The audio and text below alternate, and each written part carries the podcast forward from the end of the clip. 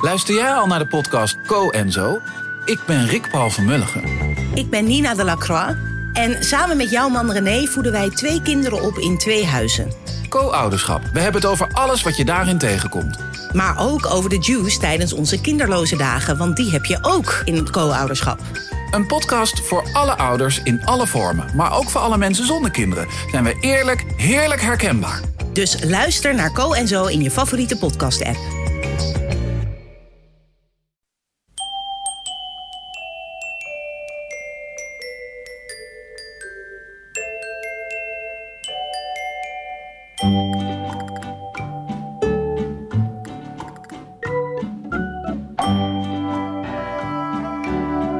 Welkom bij aflevering 252 van Echt Gebeurd. De podcast waarin waargebeurde verhalen worden verteld door de mensen die ze zelf hebben meegemaakt.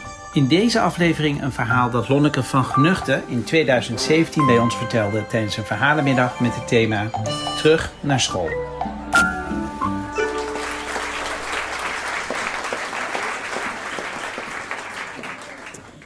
Ik eh, neem jullie mee naar het Noord-Brabant van de jaren 80. En eh, Kitty, Sanne en ik waren alle drie negen jaar oud. En wij waren elkaars beste vriendinnen. We speelden samen met de yo-yo en de lolobal. En met smurfensnoet. En met aerobic Barbie. En we playbackten ook met z'n drieën Madonna. En dat deden we op de kamer van eh, Kitty. Want die had daar de beste kamer voor. Er zat een ghetto blaster, cassettebandjes... En overal posters van Madonna. En had ook een beetje het haar van Madonna, zo punk, zo noemden wij dat, als dat een beetje overeind stond, je haar. En ze had ook zo'n stonewash jeans spijkerjasje van Madonna. En uh, Sanne en ik hadden gewoon paardenstaarten, een beetje als dit. En we waren in het achtergrondkoortje. En we deden ook tijdens de weeksluiting, deden Kitty en ik altijd samen toneelstukjes. En dan gingen wij gewoon een half uur door. Want bij ons op school mocht je zelf bepalen hoe lang je toneelstukje duurde. Want bij ons op school was iedereen gelijk. En we zongen ook liedjes tegen discriminatie en tegen zure regen. En kinderen waren ook niet dom of slim. Want als je toch bleef zitten, dan uh, was het niet omdat je dom was, maar omdat de juffrouw jou had uitgekozen om assistent te worden van haar. Dus dat je een extra jaar haar mocht helpen. Maar we mochten ook niet zeggen juffrouw of meester. Je moest gewoon zeggen Mieke of Jo of Theo, want iedereen was gelijk. Maar aan dat gelijkheidsprincipe kwam een einde in de zomer dat we tien werden.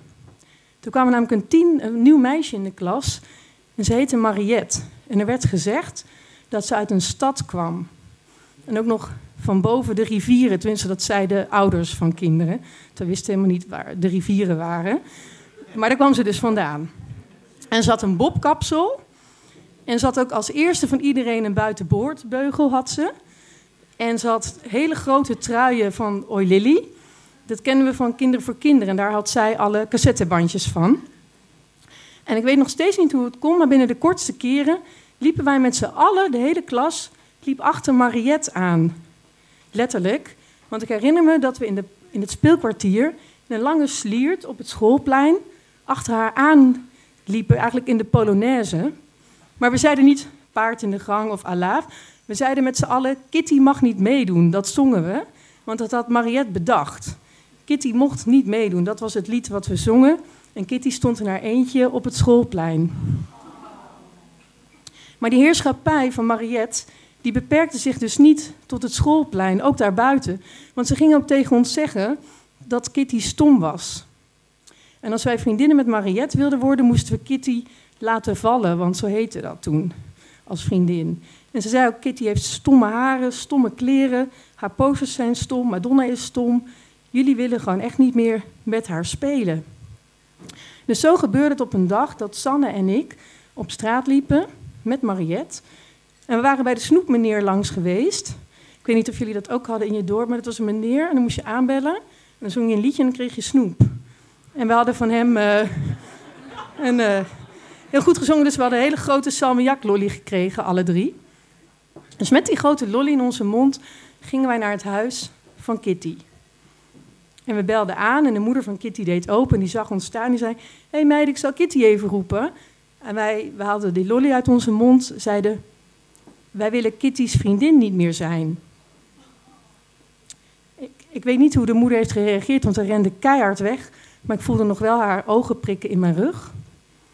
En de rest van de week stond Kitty buiten, nog steeds alleen op dat schoolplein. En ik had af en toe buikpijn als ik haar zag. Maar ik mocht wel samen met Mariette het toneelstuk doen van de week. Alleen waren we eigenlijk al na vijf minuten klaar die keer. Maar goed, die heerschappij van Mariette die ging nog een aantal weken door in de klas. Totdat de juffrouw het, denk ik, zat was en ons bij elkaar riep in een kring voor een kringgesprek. En alle kinderen uit de klas moesten toen excuses aanbieden aan Kitty. En één voor één moesten we vragen of we weer met haar mochten spelen. En alle kinderen begonnen natuurlijk ook één voor één te huilen. Maar Kitty die accepteerde onze excuses. En Mariette die werd uit de klas gezet. Die moest naar een andere klas. Nou, Kitty en ik gingen ook nog samen naar de middelbare school. Maar daar raakten elkaar een beetje, verloren elkaar uit het oog. Maar jaren later kwam ik haar weer tegen op Facebook. En zoals je dan altijd doet, ga je even kijken hoe het met iemand is. Want ik had nog wel vaak aan dat incident gedacht. Maar ik zag, nou, ze had een hele knappe man, ze had heel leuk werk, ze had hele leuke kleren, ook heel leuk haar. Dus alles ging heel goed met haar, zag ik. En ze werden weer bevriend en we hadden af en toe chat of een berichtje. En gelukkig begon ze nooit over dat incident met de lollies. Dus ik dacht, oh, gelukkig, het was ook een heel klein incident. Ze waren heel jong. Dus logisch dat ze dat ook gewoon vergeten is. Vorig jaar bestond de school 40 jaar. En was er een reunie. We hadden al een beetje gechat met wat mensen die zouden gaan. En de avond voor de reunie keek ik nog even dus op Facebook en zag ik op de tijdlijn van Kitty een bericht. En ze schreef: um, Morgen is reunie van mijn basisschool. Ik heb er heel veel zin in. Het was een hele leuke school. Ik heb er een hele leuke tijd gehad. Ik was een heel vrolijk en onbevangen kind. Tot het moment, de dag, dat mijn uh, beste vriendinnen voor de deur stonden. met een grote lolly in hun mond. om te zeggen dat ze mijn vriendin niet meer wilde zijn. Ze was het dus niet vergeten. Dus ik stuurde haar meteen een bericht. En ze stuurde mij ook een bericht terug. En toen zei ze: Ik vind het ook heel vervelend voor jou dat jij het nooit vergeten bent.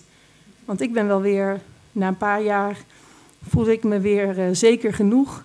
En was ik weer mijn vrolijke en blije zelf. Nou, de dag erna was dus de reunie. Heel leuk om iedereen weer te zien. In onvervals Brabants accent zei iedereen tegen elkaar: Oh, je bent echt niks veranderd. Oh, je bent echt niks veranderd. Zo ging dat de hele avond door. En tussendoor keek ik naar de deur of Mariette misschien ook kwam. Om acht uur was ze er niet, half negen niet, negen uur ook niet, half tien niet. Ze is gewoon niet opkomen dagen. We weten niet of ze misschien niet wist dat de reunie er was. We weten ook niet of ze het misschien niet durfde. Ik heb haar ook nog wel opgezocht, maar met haar naam waren best wel veel mensen. Ik zag nog wel iemand met een bobkapsel die de verpleging in was gegaan. Misschien was zij dat, we zullen het nooit weten. Dus ik heb eigenlijk altijd nog steeds dat ene puzzelstukje van het verhaal niet uh, rondgekregen. Maar het enige wat ik dus jullie eigenlijk zou willen meegeven is als je ooit op straat loopt en je ziet een paar meisjes met een hele vastberaden blik, eventueel met lolly in de mond, naar een deur lopen, zeg tegen ze: doe het niet.